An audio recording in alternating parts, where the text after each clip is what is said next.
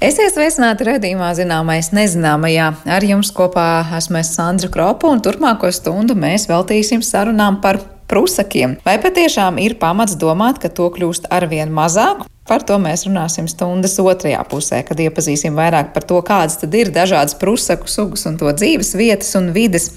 Bet jau pavisam drīz palūkosimies, ko par tiem var atrast portālā dabasdati LV. Jau pavisam drīz runāsim par prūsakiem un to, vai to patiešām kļūst arvien mazāk, bet vai par tiem tikpat daudz informācijas kā par, piemēram, putniem var atrast arī populārajā portālā dabas dati LV. Mēs runāsim raidījuma turpinājumā. Jau vairāk kā miljonus novērojumu ir fiksēti tieši dabas dati LV platformā un par kādām dzīvnieku un augu sugām cilvēki tad ziņo un ko noderīgu tajā var atrast speciālisti un ko vienkārši dabas draugi interesējās mana kolēģe Zane Lāce. 2011. gada 20. 23. marts vieta Rīga Salaspils iela. Novērotais objekts - virtuves prusaks. Tā status - uzturas lokāli, piezīmes - kādreiz pilns dzīvoklis. Un attēls, kur dēļu šķirbās kaunīgi galvu ir pieliecis kā cūsains kukainis.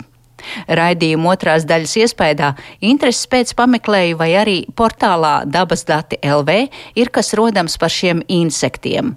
Un izrādās ir Bet minētajā internetu vietnē ir vēl daudz citas informācijas par visai saudabīgiem novērojumiem, piemēram, par blaktīm vai gļotsēnēm. Tomēr visbagātīgākie ziņojumi ir par putniem.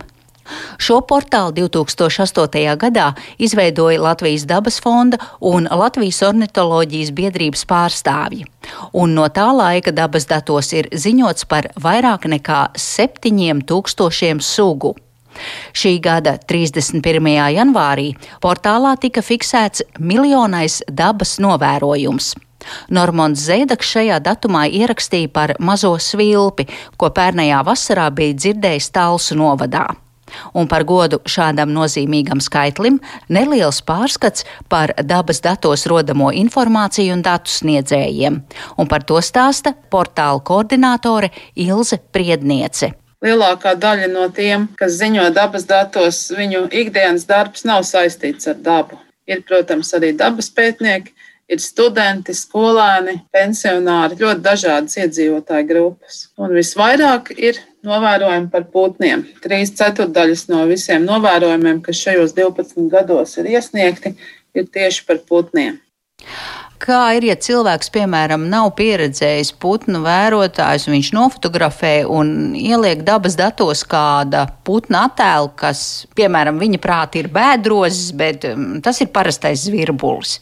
Jā, ir portāla lietotāji, kas brīvprātīgi palīdz skatīties citu iesniegtos novērojumus, pārbaudīt, vai ir pareizā suga, ja ir ieziņots klāt vai nu fotoattēls vai video ieraksts, tad eksperti pārbauda šo novērojumu. Un, protams, tālāk šos datus var izmantot dažādiem pētniecības mērķiem, piemēram, likstojošo putnu atlantam, tauriņu atlantam, dažādiem citiem projektiem. Par putniem runājot, visvairāk ziņojumu ir par žubītēm. 26,702 reizes cilvēki ir dalījušies ar ierakstiem dabas datos par šiem nelielajiem, pie mums plaši izplatītajiem dziedātāju putniem. Interesanti ir bijusi akcija šajā portālā par mazajiem mušķērājiem. Kā nosaukums liecina, ļoti neliela auguma putniņiem, un pieaugušas tēviņas var atpazīt pēc sarkanbrūnas pakakles. Šo putnu ir ļoti grūti ieraudzīt, un tikai balss nodod tā vietu. Un lūk, pirms pāris gadiem kāds čehu ornitologs apkopoja šo putnu dziesmu atšķirības dažādās Eiropas vietās. Un tad, pateicoties aktīviem ziņotājiem dabas datos un arī balsu ierakstiem, Latvijas karte saistībā ar mazo mušķērāju novērojumiem bija visai bagātīgi aizpildīta.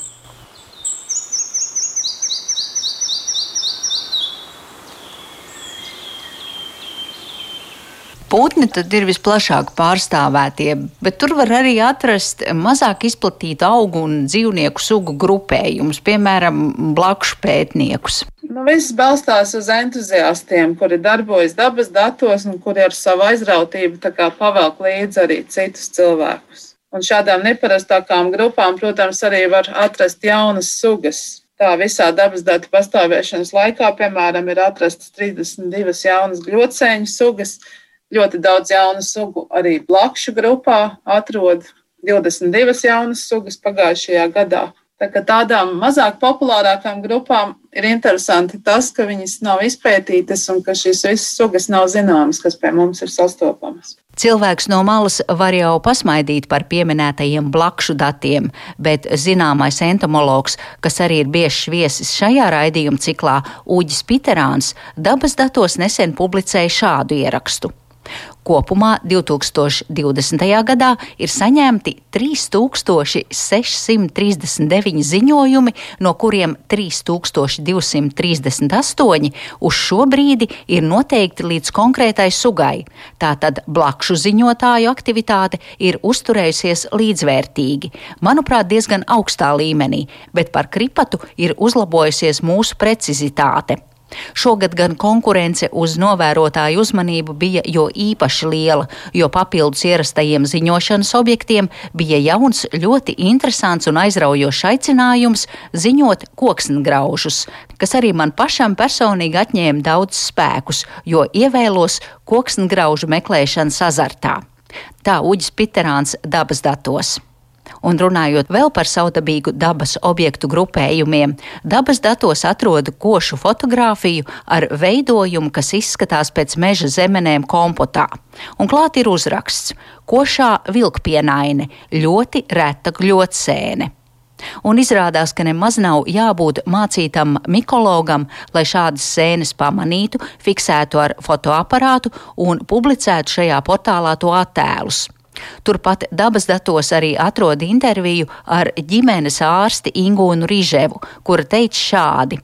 Es iemīlējos gļotsēnēs. Kāpēc? Nemāku pateikt, bet ar mīlestību jau tā ir. Dabas datu gļotsēņu cienītāju grupā asumu iedeva Sandis Laime.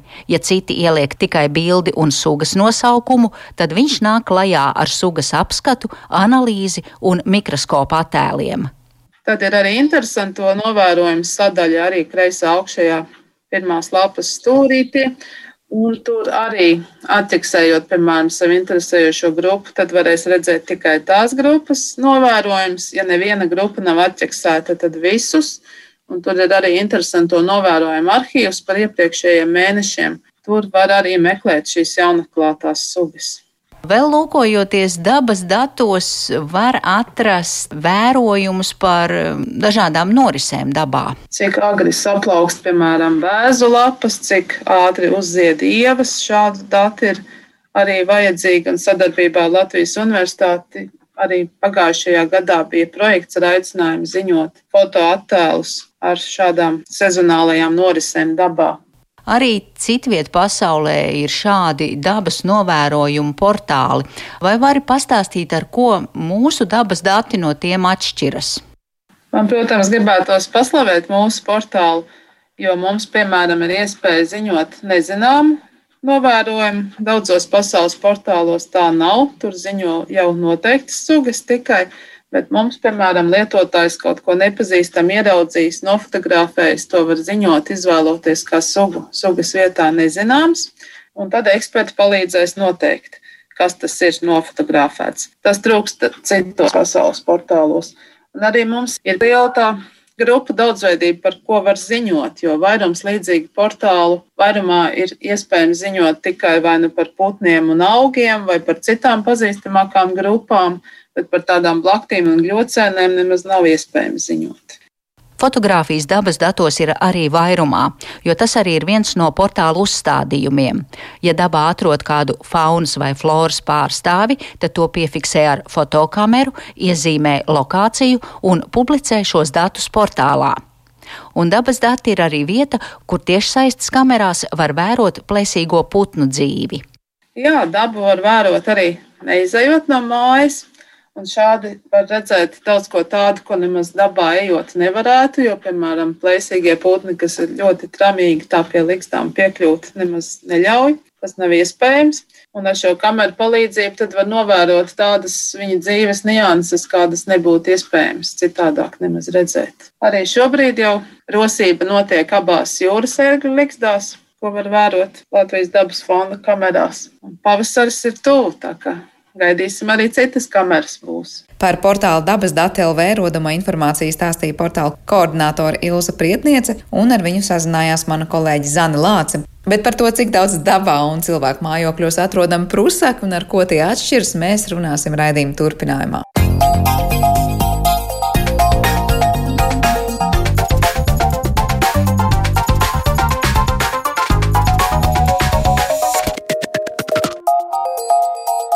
Zināmais nezināmajā. Kur pazuduši visi tarakāni? Tādi jautājumi ik pa laikam varam lasīt, eh, uzdodam sociālajos tīklos. Šķiet, ka bērnībā tie bija ierasti sabiedrotie jau īpaši virtuvē un eh, arī studentu kopmītnēs, taču tagad tos uh, izdodas redzēt arvien retāk. Kāpēc tā? Par tarakāniem un prūsakiem tad arī mēs runāsim šodien mūsu raidījuma turpinājumā, jo uz sarunu mūsu attālinātajā studijā esam aicinājuši Latvijas dabas muzeja vecāko entomologu Uģi Piterānu un Rīgas zooloģiskā dārza izglītības speciālistu Ingmāru Līdaku. Labdien jums abiem! Labdien! Sveiki! Vai tiesa par to, ko raksta sociālajos tīklos, vismaz cilvēki savos novērojumos un tās sajūta līmenī liekas, ka nu, tie tarakāni ir gājuši mazumā un vismaz mājās sastopam mazāk, un tie ir pazuduši. Eh, jūs, kas vērojat dabā notiekošo, arī kā jūs teikt, vai tiešām pašu šo kukaiņu ir kļuvis mazāk? Varbūt es nezinu, uģi sākšu. Jā. Nu, es sākšu to, ka man ļoti patīk šī cilvēku mm, e, šie šādi novērojumi, jo pats fakts, ka cilvēki pamana, ka kaut kas dabā paliek mazāk, ir apsveicams. E, jautājums, vai varbūt virtuves prusaks, ko droši vien cilvēki lielākoties e, pamana, būtu tā suga, par ko būtu jāuztraucās, ka viņi pazūd. Tas varbūt ir nedaudz cits jautājums. Dabā, ne? Jā, jo Bet pats fakts, tiešām, ka cilvēki pamana, ka kaut kas, kaut kas nav redzēts, tas, tas ir ļoti apsveicams. Ja mēs vēl par to sāktu uztraukties arī par dažādiem tauriņiem, bitēm, tad būtu pavisam labi. Bet labi, atgriežamies pie, pie prusakiem. Es domāju, ka lielā mērā uh, tas varētu būt um, tāds, varētu būt, ka viņi ir kļuvuši retāki, jo mēs vienkārši esam iemācījušies varbūt uh, dzīvot nedaudz tīrīgāk, ja tā varētu teikt. Arī mājas mums tiek remontētas un renovētas, teiksim tā. Un tas viss ietekmē šo prusaku iespēju apdzīvot, teiksim tā, mūsu dzīves vidi. Bet tajā pašā laikā es, man personīgā pieredze rāda, ka viņi, diemžēl, man, diemžēl man paša personīgā pieredze rāda, ka viņi tepat mums netālu ir. Vienā īres dzīvoklī, kuras dzīvoja dažus gadus atpakaļ bija šāda satikšanās ar viņiem, un es negribētu teikt, ka es dzīvoju nekārtīgi. Tātad viņi var ierasties pie mums eh, ciemos arī no, no kaimiņu dzīvokļiem, kas arī visdrīzāk lielākoties tā notiek. Tīpaši šajās vecajās padomju laikā celties ēkās, kur ventilācijas šaktas un visas citas sistēmas ir starp dzīvokļiem diezgan savienotas. Nu, tad beig, beigās var ierasties eh, ciemos pie visiem. Un es neteiktu, ka viņi pazuduši. Varbūt Jā, tad... rētāk ir, bet lielā mērā ir varbūt retāk novērojami mājvietās, bet dabā kā Ingūna varbūt kāds novērojums? Nē, nu, katrā gadījumā virtuves prusaks laikam Latvijas dabā kā tādā sastāvā būtu diezgan pagrūti, jo tas tomēr ir sinantropā suga, kur ir lielā mērā saistīta ar cilvēku dzīvesvietu. Vidi, un pēc savas izcelsmes droši vien ir krietni vien nu, dienvidnieciskāka nekā, nekā Latvijas daba.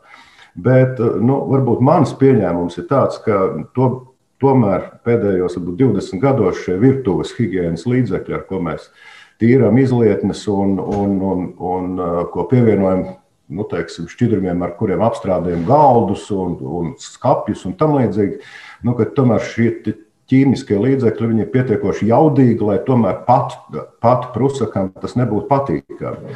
Jo man nav pieņemsim par to pašu istabas mušu, ne, kur, kur arī ir saistīta ļoti ar cilvēku dzīves vidi un ar mūsu virtuvi. Nu, ja kādreiz mušas bija, nu, tiešām tā bija tāda neatņemama virtuves sastāvdaļa, tad šobrīd. Šobrīd, tiešām, kad sāk pielietot šos visus ķīmiskos līdzekļus virsmu apstrādē, ja, tā muša arī rapojot par to pa to, pa to virsmu, pēc tam, kā mušas to ļoti bieži dara, tad aplaizot nu, teiksim, tās savas kājiņas, ja viņas arī sēdās šo te šķidrumu atliekas. Tāpēc es saviem bērniem, piemēram, nu, jau lielajiem ar saku, nu, labāk vienkārši ar tīru ūdeni vai ziepes piejauciet, notīriet tās galda virsmas, jo pretējā gadījumā apkarojot, kā saka, baciļus, ja, nu, pats ar tām rokām brauc pa to galdu un pēc tam atkal ar tām pašām rokām ēd to maizi. Ja pat mušu, teiksim, no tā diezgan iet mazumā un, un iespējams arī pieminētie prusaki, tad nu, arī cilvēkam droši vien nekas no šīs ķīmijas labs nav. Jā, par labu tas noteikti nenāk. Vispirms man vēl viens jautājums, tāds precizējošs. Nu, es zinu, ka mēs lasām dažkārt gan par prusakiem, gan par tarakāniem. Jūs tagad stāstāt Nē, par prusakiem, vai tas, tiešām ir analoģiski? Analoģiski tā kā ar begemotiem. Ja? Es atgādināšu, ka Rīgas zoodārzā nav begemotu. Begemoti ir Maskavas un Pēterburgas zoodārzā, ja? te mums ir nīlzirgi. Nu, tāpat kā es domāju, ka arī mm, Maskavas, teiksim, iedzīvotāji pilnīgi noteikti var apkarot tarakānus. Nu, mums, lai paliek tomēr tie paši prusaki. Kas arī varbūt nav īsti tāds latviešu vārds, jo nu, laikam, tā, tā, tā, izcelsme laikam šim te. Prusakam ir tieši laikam, virtuves prusakam, ja nemaldos, ir vairāk no, no, no Rietumē Eiropas caur Prūsiju. Tā tad ievazāts, tā tad visticamākais, ka latvieši kādreiz asociēja šo te virtuves iemītnieku ar ieceļotāju no Prūsijas. Lūk, interesanti izcelsmes skaidrojumam, bet ja par to izskatu runājam, dažkārt ir dzirdēts, ka cilvēks saka, nu kā, nu prusaki tie ir tādi rudi un brūni, tarakāni tie ir melni. Es saprotu, ir gan melnie prusaki, gan, gan, gan tādi brūnganie prusaki. Cik dažādas ir tās sugas, ko mēs vairāk vai mazāk sastopam apkārt? Nu, es, es sastopu apkārt vismaz 11 sugas, tik ir zooloģiskā dārza kolekcijā sākot no pavisam maziem un beidzot ar nu, arī vienu no pasaules lielākajām sugām. Un, ja kāds cilvēks ieiet, teiksim, zooloģiskā dārza tropmājas nakts dzīvnieku ekspozīcijā, tad nedod Dievs, tā, ka tur vēl gaisma deg. Nu, tad arī redz Amerikas prusakus skraidām pa, pa grīdu, bet es pieļauju, ka ļoti reti, kur Latvijā teiksim, tā var uzkāpt virsū Amerikas prusakam, bet laikam tad vairāk mums sas, mēs sastopamies ar virtuves melno prusaku, nu, plus vēl kaut kādās dažas, varbūt divas, trīs sugas, kas ir saulēs, bet par tām droši vien es nevarēšu teikt. Bet eh, jūs teicāt, gan mazie, gan lielie, nu kāda ir tā izmēru dažādība? Kas ir tas mazākais prusaks un cik liels ir tas lielākais? Nu, Zooloģiskajā dārzā tas ir sākot no pusotra centimetra līdz kādiem astoņiem apmēram ķermeņa izmēram. Jā, diezgan ievērojama atšķirība izmēros. Uģi, kā ir? Nē, es dzīvoju, dzīvoju kaut kādu pusgadu apmēram arī tropu zemēs, un var teikt, ka milz priekšrocība ir, ja tas, ja tas prusaks ir liels, ja, tad tu viņu ieraugi virtuvē un to čīpu, kas sit, viņam vienkārši garām nosist nevar. No šiem mūsu, teiksim, virtuves prusakiem viņi tik ātri skrien un ir tik maziņi, ka viņiem trādi maz nav tik vienkārši. Uģi, varbūt ir kas piebilstams par to, kādas ir tās šķirnes, kas varbūt ir eh, sugas, kas ir sastopams nevis zoodārzā, bet gan eh, nu, dažādos mājokļos šeit, pat Latvijas teritorijā. Nu, Latvijā pamatā, jā, kā, kā Ingūns teica, ir divas uh, sugas, ko mūsu mājokļos mēs varam biežāk sastapt. Tas ir virtuves prusaks, kas ir tas uh, klasiskais, standarta, apmēram pusotru centimetru lielais. Uh, Bet otra suga, kas um, nu, vismaz kādreiz bija varbūt biežāk izplatīta, mūsdienās tā Rīgā šur un tur esot vietām sastopams, nu, mums uz muzeja teiksim tā, reiz pāris gados kāds atnes kādu eksemplāru, bet, nu, vismā ir gājis mazumā. Tas ir uh, melnais prusaks, kas ir jau krietni bijis tāds lielāks, jau līdz 3 centimetriem pieauguši īpaņi. Mm, un, uh, nu, arī, ja tādu cilvēku ierauga, tad uh, droši vien viņam jau pavisam tās sajūtas ir, teiksim, varētu būt nepatīkams, jo, nu, varbūt Varbūt ir kādi, kam patīk prosek, bet nu, tomēr, domāju, lielākajai daļai sabiedrības ir tāds zināms, e, zināma nepatika un bijība pret šiem radījumiem. E, un melnais prusaks, atbilstoši nosaukumam, viņš ir tiešām tumšs, liels. Nu, varbūt tur tāpēc kādreiz ir tā, tā, tā cilvēku nu, doma, ka viens ir prusaks, otrs tarakāns, bet nu, patiesībā, kā Ingūns teica, jā, nosaukums ir būtu jālieto prusaks, tas ir vairāk tāds latviskāks. Tarakāns ir tā kā no krievu valodas. Bet tāpat galvenais saprast, tas ir viens un tas pats dzīvnieks, par ko mēs runājam. Vai tās apdzīvotās teritorijas tam melnajam prusakam un tam brūnajam prusakam ir viens tās pašas, ir lasīts, ka daži tā kā vairāk uzturēsies, nu, tuvāk pagrabiem varbūt un, un vēku pirmajiem stāviem, citi savukārt tieši augšējos stāvos un kaut kur, kur ir sausāks un, un siltāks. Nu, tas melnais prusaks būs tas pagrabu apdzīvotājs vairāk. Un eh, tieši viens no pēdējiem gadījumiem, ja es pareizi atceros, tad es vēl laikam muzejā nestrādāju, bet uh, kolēģis stāstīja, ka jā, kaut kur kaut kādā mm, Rīgā centrā, nu, šiet eh, mājas pagrabā, tur cilvēks bija šos melnos, tieši šos lielos prusaks bija, nu, tur tā, ka ieslēdz uguni, tur pašķīst veseli koloniju, un kas interesanti, viņiem esot diezgan īpatnēji smaka, smarža tāda, mm, nu, grūti pateikt, pats neesmu pieredzējis. Viņi vairāk pieredzi no citiem prusakiem, kas ir būt līdzīgi, kāda ir šī varbūt pat ja neredz tos pašus prusakus, tādā veidā var atpazīt, ka viņu klātbūtne ir tieši šiem lielajiem virtuves melniem prusakiem. Nu, laikam, cik es zinu, tad melniem prusakam arī tā prasība pēc mitruma ir uh, augstāka nekā virtuves prusakam. Līdz ar to, protams, pagrabs tas ir vairāk saistīts ar mitrumu. Un, uh, bija, tas bija no 2000. gadu sākuma arī ziņas par vienu Valdemāra ielas pagrabu, kurā dzīvoja Madagaskaras šņācēja prusaki.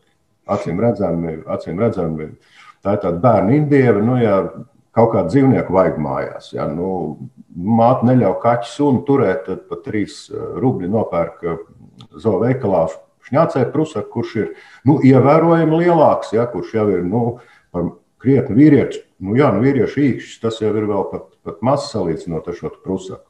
Nu, tā īpatnība, teiksim, vairojoties, ir tā, ka, nu, principā, cik es zinu, tad šņācēju prusakam pietiek tai mātītei vienreiz mūžā satikt to tēviņu. Jo viņi var laist uh, ocistus ar, ar tātad, uh, olām, nu, laist pasaulē mazuļus, ja teiksim, visu mūžu, un tas vismaz kādas septiņas, astoņas reizes.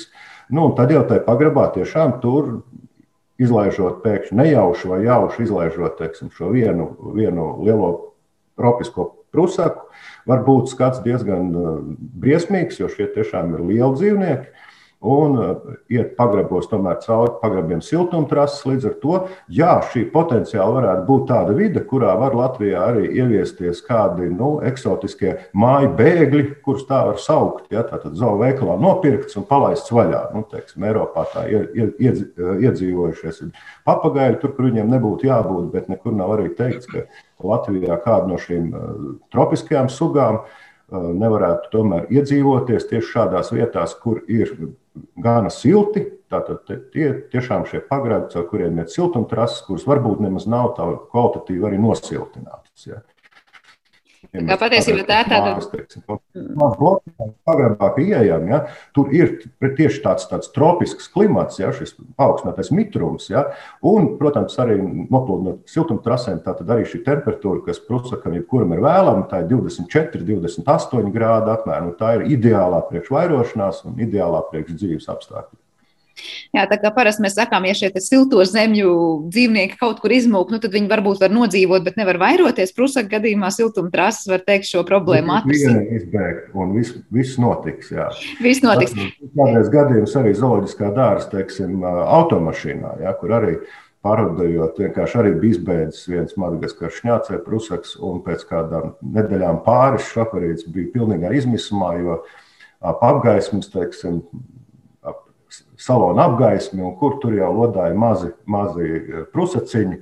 Jo tā nu ir tā arī īpatnība, ka prusakiem, nu, principā nāk pasaulē jau ļoti līdzīgi vecākiem. Nu, teiksim, viņi varbūt ir gaišāki, mazāki, kurai sugai varbūt vēl tieši pretēji tumšāki, bet mazāki. Bet viņi jau ļoti ātri pārvietojās, viņi pārtiek no tā paša, no kā vecāki. Nav šis starposms, kas varbūt tauriņiem ir vai, vai daudzām abolēm, kur ir kāpurs un kūniņi. Nē, tā nav. Un, un patiesībā daudz sugas arī nesā šo ocistu līdzi, vai ne? Tātad mātes mazuļus nesā līdzi. Nu, un praktiski kā šķirās no šīs ocistas, tā no tās izšķiļās nu, krietnes, varbūt ducis un pat vairāk, vai ne? Mazi tarakāniņi, prusaciņi, kuri jau spēj dzīvot pastāvīgi. Bet viņi arī uzreiz tiešām visi nu, izdzīvo, jo parasti tikko, kur daudz ir mazuļi, tur augsta mirstība, vai prusaka gadījumā tas nebūs gadījums.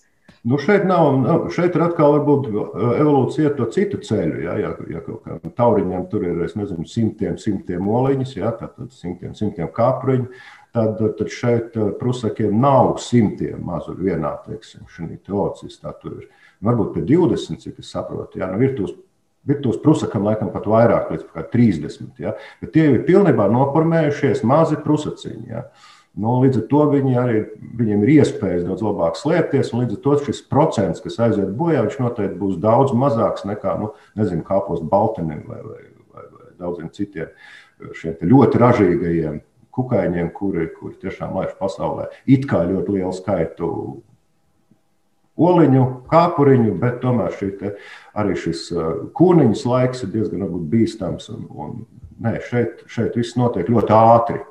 Un ļoti veiksmīgi.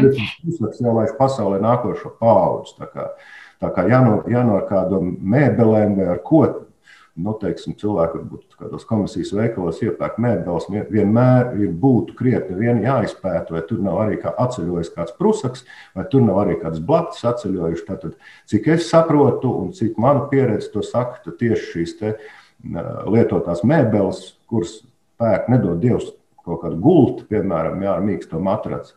Ja to pērk, tad, tad vajag ļoti rūpīgi izpētīt, kas ir nopirkts. Vai reizē ar gultu nav nopirkt arī jauni iemītnieki. Kolonija vesela. Uģi, vai būs kas piebilstams pie tā, cik ļoti ātri prusaks spēj izplatīties, un vai tiešām tāds viens prusaks mājās jau pēc mēneša būs kārtīga kolonija, ar ko būs grūti cīnīties? Nu, tā izplatība Jā, nu es vēl varētu pieminēt, tas, ka eh, nu, Ingūns vispārēji pareizi stāstīja, vēl tas, ka jā, nu, dabisku ienaidnieku jau tādā mājas vidē arī ļoti maz, un līdz ar to tas arī to izdzīvotību šiem mazajiem jaunajiem prusaki īpatņiem eh, diezgan palielina. Ja ir eh, visādi putni un citi viņu ēdāji, kas vien labprāt viņus likt uz kārā zobu, tad nu, tādā mājas siltuma trasē pagrabā, nu, kas tur kāds peležurks varbūt labākajā gadījumā. Tā kā jā, tā ģeometriskā progresija, kādā veidā prusaks spēj savairoties, tas ir diezgan uh, diezgan e, iespaidīgi. Un e, vispār runājot par to, kā vispār var pusaka izplatīties, nu, ir jāņem vērā, ka viņi ir naktī aktīvi dzīvnieki, un pa dienu viņi slēpjas vis kaut kur. Un, ja kādā mājā, piemēram, ir ļoti, ļoti liels šī prusaku blīvums, tad e, nu, nenoliedzami viņi var pa dienu saslēpties vis kaut kur, arī, piemēram, Somā, un tad cilvēks aiziet kaut kur. Prusaks izlēja no Somas tālāk kaut kur citur, un tādā veidā var izplatīties. Un bieži vien nu, ir bijuši internetā stāsti, ka to es nofotografēju Prusaku veikalā, ārprāts, ārprāts, veikals jāslēdz ciet. Protams, ir jāievēro visas eh, šīs prasības pret, pret šo kaut kādu dezinfekciju un, eh, un tam līdzīgi. Bet jāņem vērā, ka Prusaks var būt tiešām tur nokļūt nejauši no kāda cilvēka somas izlaists ārā. Tā, kā, tā pilnīgi nejauša izplatīšanās iespēja ir ļoti, ļoti reāla. Bet tad, kad tas prusaks, jā, lūdzu. Eh, es gribēju vēl piebilst to, ka arī atkal jau runājot par šiem tropiskajiem tropiskajiem prusakiem, kuri, kuri nedzīvo cilvēku mājās. Līdz šim nu, arī viņa izplatīšanās ļoti īpatnēja, jo diezgan bieži, diezgan bieži arī zoodārs braucas pakaļ pēc dažādiem kukaiņiem, arī, arī rāpuļiem, abiniekiem uz uh, augļu dārzeņu bāzēm, kur ieceļot teiksim, kravas ar teiksim, banāniem, jau uz banāniem tur. Nu, no banāna ķekara izrāpu ārā teiksim, žirgs liels, īrčs lieluma prusaks, un, un, un cilvēki nezina, ko darīt. Ja? Arī šāds veids, kā vispār šobrīd laikam, pasaulē izplatās dažādas, kuras jau saucam par invazīvajām sugām, tātad tieši ar nu, dažādām baļķu kravām, ar augļu tātad, vedumiem un vispārējo. Jo mēs jau šeit runājam tikai par dažām sugām. Kopumā, ja man varbūt var palabot, bet ir vairāk kā 4000 dažādu sugu prusaku un tropos. Uh, pa tropu mežu ejot, katru, katru mirušas koksnes gabalu pacēlu zem viņa pilnīgi noteikti būs kāds no šiem ļoti, ļoti daudziem prusakiem, kas tur dzīvo. Tas ir tāds ārkārtīgi bieži sastopams elements, kurš palīdz arī džungļiem vārdīties.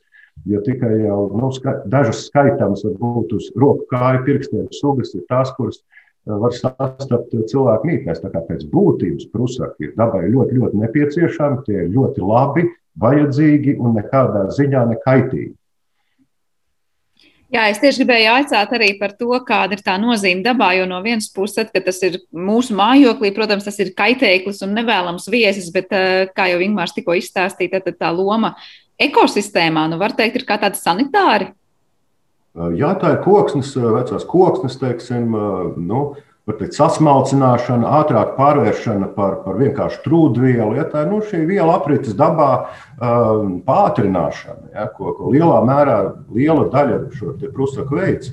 Un kāda vieta dabā vēl, nu, tāda pati kā zoodiskajā dārzā, kur tiek audzēts, audzēti kilogramiem dažādi prusaki, zooloģiskā dārza rāpuļu, apnieku un, un arī putnu barībai. Ja? Tātad mums, mūsu barības ķēdē prusakiem ļoti liela nozīme, bet tikai jāpiebilst viens, ka, šie, ka prusaks ir arī diezgan labi bruņots, ir sevišķi, kas ir lielie tropiskie prusaki, viņi, viņiem ir ļoti diezgan pamatīgs hitīna apvalks, un tur ne katrs, ne katrs dzīvnieks ar viņiem spēja tikt galā.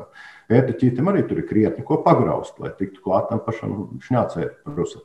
Bet es iedomājos, ja viņi ir tās barības ķēdes neatņemams posms un tomēr tik grūti sēdams daudziem dzīvniekiem, kas ir tie nu, īstākie prusaku ēdāji dabā? Nu, kam, kam viņi ir tā barības pamatbāze? Nu, nu, tropos dabā nu, tie ir lielākoties tomēr tie paši abinieku rāpuļi, nu, kas ēd kukaiņu, kukaiņu kā tādi, vai ne šiem dzīvniekiem, galvenais racions lielai daļai. Ja? Nu, tā kā liela daļa, teiksim, prusaku ir tomēr krāsas nakts dzīvnieki, tad varētu teikt, ka nu, putnu barība varbūt ir krietni mazāka, jo tomēr nu, putni pamatā tomēr medī dienā. Ko ēda paši prusaki? Vai tā ir tiesa, ka prusaks var izdzīvot pat mēnesi bez ēšanas, un tāpēc, ja būs iemitinājies mājoklī, kur uzreiz nebūs ko ēst, tā nebūs viņam problēma? Nu, Uģi, piemēram, vai, vai Ingūna, kurš no jums grib atbildēt? Es jau daudz esmu stāstījis. Nu, jā, bet par to ēdienu noteikti Ingūns var labāk pateikt. Bet par virtuves prusaku noteikti ir. Tā varētu būt, ka nu, pirmkārt, ko viņi ēd mājas apstākļos, šie, šie, nu, mēs joprojām vairāk runājam par šīm sinantropijām sugām, cilvēku mitekļos dzīvojušām sugām. Bet, nu, jā, tajā pašā laikā ir arī šīs Latvijā dabā dzīvojušās sugas, ko Ingūns minēja, apmēram trīs nu, pētnieki vēl, protams, var meklēt, varbūt vēl kādu atrast, bet nu, ir trīs meža prustaku sugas, kas uh, veic līdzīgu funkciju, kā varbūt um, Ingūns minēja, tropos arī pārtiek no galvenokārt no trūdošām lapām, uh, citiem augu izcelsmes produktiem lielākoties. Nu, varbūt retureiz kādu, kādu kukaiņu nomentību, bet um, lielākoties augādāja. Bet šīs sinantropās sugas, jeb cilvēku mitekļos dzīvojošās sugas, tās jā, pārtiek no visa iespējamā arī dzīvnieku un augu izcelsmes produktiem. Drupačas, e, nu vienalga, kas mums virtuvē paliek pēc ēdienu gatavošanas, ja mēs tā varbūt kārtīgi neizslaukam, vai tieši otrādi saslaukam kaut kur stūrīšos, sabirstais galda, aiz leduskapi kaut kādi krikumiņi, kad desas šķēla aizripo un slinkums viņu meklēt pēc tam rokā. Un e, tādā garā, un, protams, nu, daudz jau viņam to ēdienu nevajag. Teiksim, tā prusaks nav ļoti liels, ja mēs runājam par virtuves prusaku. Un tās pāris drupačas viņam pilnībā pietiek, lai kādas dažas dienas. Nu, es neesmu, protams, veicis pētījums, bet cik ir, cik ir apmēram lasīts. Un par to, ka var ilgu laiku izdzīvot bez pārtiks, jā, tā, tā tam vajadzēja būt. Un, un kaut kādā brīdī, kad ir tie labvēlīgi apstākļi, viņš tur sēdās, un tad var kā kaut kādu laiku dzīvot, vai mātīte spēja ar to viņai pietiek, lai viņi var attīstīt uh, olas, nogatavināt un izdēt, un tad, tad jau nākamā paudze tālāk dzīvo. Nu, pēc būtības tā, tā izcelsme jau tiem prusakiem arī ir no tiem, kas sinantropās sugas, kas dzīvo dzīvoklī vai, vai virtuvē, nu, viņiem jau arī tāpat no meža jau kādreiz viņi nākuši, jā, un tad viņi arī to koks nēduši. Un kas ir koks? Ne? Pēc būtības tā ir ar grāmatu, jā, un tas, to es vairāk kārtas dzirdēju, kad ja tie prusaki saviešās daudz, nu, tad, tad, tad grāmatas jūka ārā, jo grāmatu lapas tiek sastiprināts patiesībā ar organiskas izcelsmes līmeni. Tā līnija tiek apēsta pirmā, līdz ar to grāmata sāk jukt ārā. Nu, un tad, kad tā grāmata sāk jukt ārā, tad ķerās klāt arī pie lapām, un, un tas ir diezgan liels biblioteku kaitnieks. Ja tiek iekšā mājas bibliotekā krietnes bariņš prusaku, tad jā, biblioteka var krietni, krietni arī ciest. Jā, tā kā tiešām barības eh, vielu arī mūsu mājokļos, lai kā mums dažkārt liktos tīri dzīvojam, varbūt nav tik daudz drupaču, pietikt varbūt ar tādu kārtīgu grāmatu krājumu. Bet eh, jautājums vēl par to, jā, cik ilgi dzīvo vispār tāds prusaks, ja tas ir tiešām par tiem, kas dzīvo tur dzīvokļos mūsu tuvākajās mājvietēs. Ehm, kā tās paudzes tur cik ātri mainās? Nu, cik zinu, tad apmēram nu, šie mazie nu, ir jau ļoti dažādi. Ir ļoti dažādi prusakļi, ļoti dažādi izmēri. Ja runājam par šiem mūsu pašu, vai neteiksim par, par virtuves melno prusaku, es pieļauju, ka tie, tas varētu būt pusgads, varbūt, nu, varbūt astoņi mēneši. Ja? Bet ir šie lielie prusaki, lielās prusaku sugas, tropiskās, kas varbūt 5, 7, pat 8 gadi nodzīvo. Ja, tātad. un attiecīgi arī proporcionāli viņu teiksim, vairošanās gatavība arī mainās. Ja, tātad lielie, lielie Lielie prusaki nu, sāk brīžam viens otrs vairoties tikai kā divu gadu vecumā. Ja? Nu, kad jau ir nomainījušās vairākas mazo prusaku paudzes, ja? tad es domāju, virtuves prusakam, cik saprotu, ir apmēram nu, divi, divi pusi, no maksimums trīs mēneši. Ir tas, kad viņš sāk atkal dot pēcnācējus. Nu, kā tas, kā tas notiek dabā vienmēr, ka arī tomēr augstasim dzīvniekiem, kas arī ir kukaiņi, viņiem arī tomēr temperatūra, apkārtējās vidas temperatūra arī varētu ietekmēt. jo teiksim, šī temperatūra ir optimālāka, jo tā ir augstāka, 28 grādi. Ja, nu, Prusaks aug ātrāk, ja nu, ātrāk viņš sasniedz uh, dzimumu gatavību, nu, ātrāk viņš dod pēcnācējus, nu, viņš ātrāk varbūt arī nomirst. Ja. Tā kā šī, gadījumā šis dabas likums lielā mērā ir saistīts ar, ar šo arī optimālo temperatūru. Dabas soda par to, ka tu audz, audz un dzīvo pārāk labi dzīvo pārāk ātri, varbūt. Ja? Jautājums par to, cik viņi ir ļoti pielāgoties spējīgi tiem apstākļiem, kas apkārt mainās. Nu, piemēram, ja apkaro šos prusakus ar dažādiem līdzekļiem, arī tīrīšanas līdzekļiem, vai tā ir tiesa, ka viņi kļūst ar vien tādi imūnāki un var teikt, ka šobrīd ir tāds ļoti spēcīgs prusaku, varbūt pat, es nezinu, sugas vai paudzes vai indivīdi, kas spēj pretoties dažādiem līdzekļiem? Vai paliek cīnīties ar viņiem ar vien grūtāk mūsdienu pasaulē? Nu, man personīgi tā negribētu domāt, jo, mm, protams, evolūcija ir it savu gaidu, bet eh, tomēr tas process, kādā veidā notiek tāda pielāgošanās, eh, man neliktos, ka tas var notikt tik ātri. Protams, nevar izslēgt, varbūt kādreiz nākotnē pēc simts gadiem tā būs, bet nu, es nedomāju, ka, ka joprojām ar pruskiem cīnīties ir iespējams, ja to dara nepārtraukti, konstanti. Teiksim, tā nu, nepietiek, ja, ja kādam tiešām ir šī problēma, ir prusaki ieviešies, nepietiek varbūt uz vienu nedēļu izlikt kaut kādas indas un tad aizmirst par to. Ar tā ir tomēr tāda uh, ilgstošāka cīņa. Teikt, ar to nedrīkst palaisties. Tad, tāpēc varbūt cilvēkiem liekas, ka oh, es izliku indu, viņiem tas nepalīdzēja. Jo, nu, tīpaši runā par situācijām, kad kaut kāds perēklis varbūt nav jūsu pašā teiksim, dzīvoklī, bet kaut kur kaimiņos vai kaut kur dažs stāvs augstāk vai vēl nezinu kur. Uh, tad eh, nu, tomēr ir konstanti jābūt šim, šim, nu, šim, šim cīņa, cīņai, nedrīkst palaisties, jo tad, tad, tad, tad nu, nav liels eh, jēgas, prusaka atgriezīsies vēl un vēl. Nu, tā kā varbūt tāpēc cilvēkam radīs iespējas, ka Inns nestrādā. Mm -hmm. Ingūna, būs kas piebilstams? Nu, principā, es domāju, ka tās indas jau tieši Indus jau progresē, jā, ir kļūst indīgāks un jaudīgāks. Bet manā izpratnē, teiksim, prusaka apkarošana ir daudz vieglāka nekā, pieņemsim, blusa apkarošana. Jo krusaks viņš tikko dzimis, viņš jau kustās, viņa redz. Nu, viņa kaut kādas pazīmes par viņu klātbūtni ir redzamas. Ja? Bet teiksim, tā pati blusa, ja viņa, šī oliņa, viņa var palikt nezinu, gadu, divus, trīs kaut kur kādā grīdas šķirbā. Ja? Un jūs jau sen esat aizmirsuši, kāda izskatās blusa, un pēkšņi klopt, tu ej bērniņos, un pēkšņi tev uz kājas viņa ir. Nu, es domāju, ka prusaki tajā ziņā varbūt ir vienkāršāk, jo viņi par savu klātbūtni tomēr. Nu, liecina diezgan kustību, ar pārvietošanos, un, un līdz ar to tu skaidri zini, pret ko tu cīnies. Jā. Bet atkal tām, tām šādām kukaiņu sugām, kurām nu, oliņas vai, vai kūniņas var ilgu laiku saglabāt nu, dzīvot spēju. Arī nu, par sevi neliekot manīt, ja, nu, tur varbūt ir krietni vēl, vēl sarežģītāk. Man vēl jautājums, noslēdzot pamazām šo sarunu par to pašu prusaku pārvietošanos, gan tātad pa horizontāli, gan vertikāli. Kas ir tas noslēpums, kāpēc viņi spēja tik ļoti veiksmīgi, kā saka, pārvietoties pa sienām?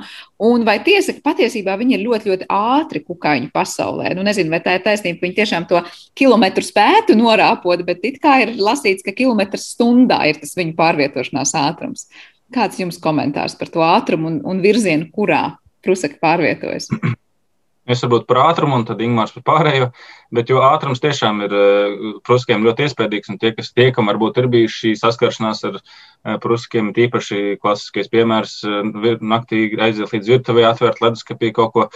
Kaut ko iekost, un tad tajā brīdī, kad virtuvē ieslēdz gaismu, tad pēkšņi prusek no vis, uz visām pusēm debesis, kā teikt, dzibinīgā ātrumā izšķīst. Un, un tā ir. Es nu, Protams, ja tā salīdzina ar kaut kādiem eh, lidojošiem kukaiņiem, spārēm, tur lieliem naktaurņiem, tad tie būs ātrāk droši vien, bet eh, tīri tāds horizontālais virsmas skrējiens viņiem ir eh, ļoti iespaidīgs. Un kas ir interesanti, kad prusaki arī ļoti labi lidotāji, tīpaši tās dabā dzīvojošās sugas. Šie meža prusaki, viņi ļoti izcili lido. Un tajā brīdī, kad varbūt nu, kā, ja mēs dabā ejam, visbiežāk tas ir nu, sēnes lasot vai ogas lasot mežā, priežu mežos, tīpaši ieraugot kādu prusaku, viņi varbūt uh, intereses pēc grib uh, paņemt rokās, tad visbiežāk tas neizdosies, jo prusaks vienkārši vai nu ļoti ātri aizskries, vai nu pat aizlidos. Bet par to horizontālo un to varbūt Ingmārs var uh, pastāstīt, kāpēc viņi tā labi rāpo. Nē, nu, virtuves prusaki jau ir principā paplanēt vārkot kur, bet tikai nu, viņi to nelabprāt dara, jo daudz vienkāršāk ir skriet. Es neesmu, protams, prusaku pēdas pētījis, bet lielai daļai kukaiņu tomēr pēdas ir aprīkotas ar kaut ko līdzīgu piesūceknim un tādiem maziem āķīšiem arī, līdz ar to arī liela daļa to pašu sienāžu, piemēram, jā, nu, viņi arī pa stiklu iet augšā, un zoologiskajā dārzā, lai noturētu šos dzīvniekus, nu, tur, kur, tur, kur viņiem jādzīvo, ja, tiek, tiek dažādi aprīkotas šīs kastes, nav nekāds brīnums, ka šis eh, prusaks vienkārši absolūti līdzenu stiklu vienkārši kāpj augšā. Ja. Un, uh, jo tā pēdiņa ir tā kā tāds piesūceknis, tāda apaļa, apaļa mīksta, un viņa būtībā rada, rada nu, saku, vakumu, saķers vietā, un viņš pielīp pie tā, pie tā stikla. Līdzīgi arī pie sienas tur palīdz arī mazā āķīša, kas blakus šim pēdiņai. Tā kā šī pēda, pēda kukaiņai vispār ir ļoti interesanta, un ja tādu makro kaut kādu palielinājumu var, var dabūt, tad var pēdas pētīt, viņas ir ļoti, ļoti interesantas. Un ļoti arī tas parāda to, cik kukaiņi tomēr ir nu, advancēti izdzīvošanai un, un cik viņi komplicēti. Mēs domājam, viņi tur mūsu evolūcijas tur tajās ļoti dziļā, dziļā paspārnē salīdzinot it kā ar mums. Ja. Bet nu, mēs visi evolūcionējam paralēli, ja, un līdz ar to sasniedzam savā ziņā kaut kādu pilnību. Jā, tas, ko jūs teicāt par tām pēdām, kaut vai man liekas, nevēl tā dabas atveidošana, veidojot dažādus materiālus, varbūt arī inženieru tehniskos risinājumus, ļoti bieži paskatās, kā tad dabā jau kaut kas tiek risināts, un varbūt prūsaka arī šī gadījumā ar savām pēdām var daudz ko pateikt priekšā. Lielas paldies jums abiem par šo sarunu. Tiešām interesanti iepazīt, var teikt, nu, tos, kurus negribētos redzēt savu mājokļu tūmā, bet, kā teicāt, dabā. Jā, visi, šī gribēs iepazīt un iepazīs nevis klātienē. Jā, vai ne? Labāk nevis klātienē, bet zoodārzos vai dabā. Paldies jums abiem par šo sarunu. Es atgādināšu klausītājiem, ka mūsu attālinātajā studijā šodien viesojas Latvijas dabas muzeja vecākais entomologs Uģis Pitrāns un Rīgas zooloģiskā dārza izglītības speciālists Ingmārs Līdaka. Ar to arī raidījums ir izskanējis. Par to parūpējās producents Armīta Kolāte un mūzikas redaktors Girds Bišs. Ar jums kopā bija Sandra Kropa un mēs tiekamies jau rīt. Vislabāk!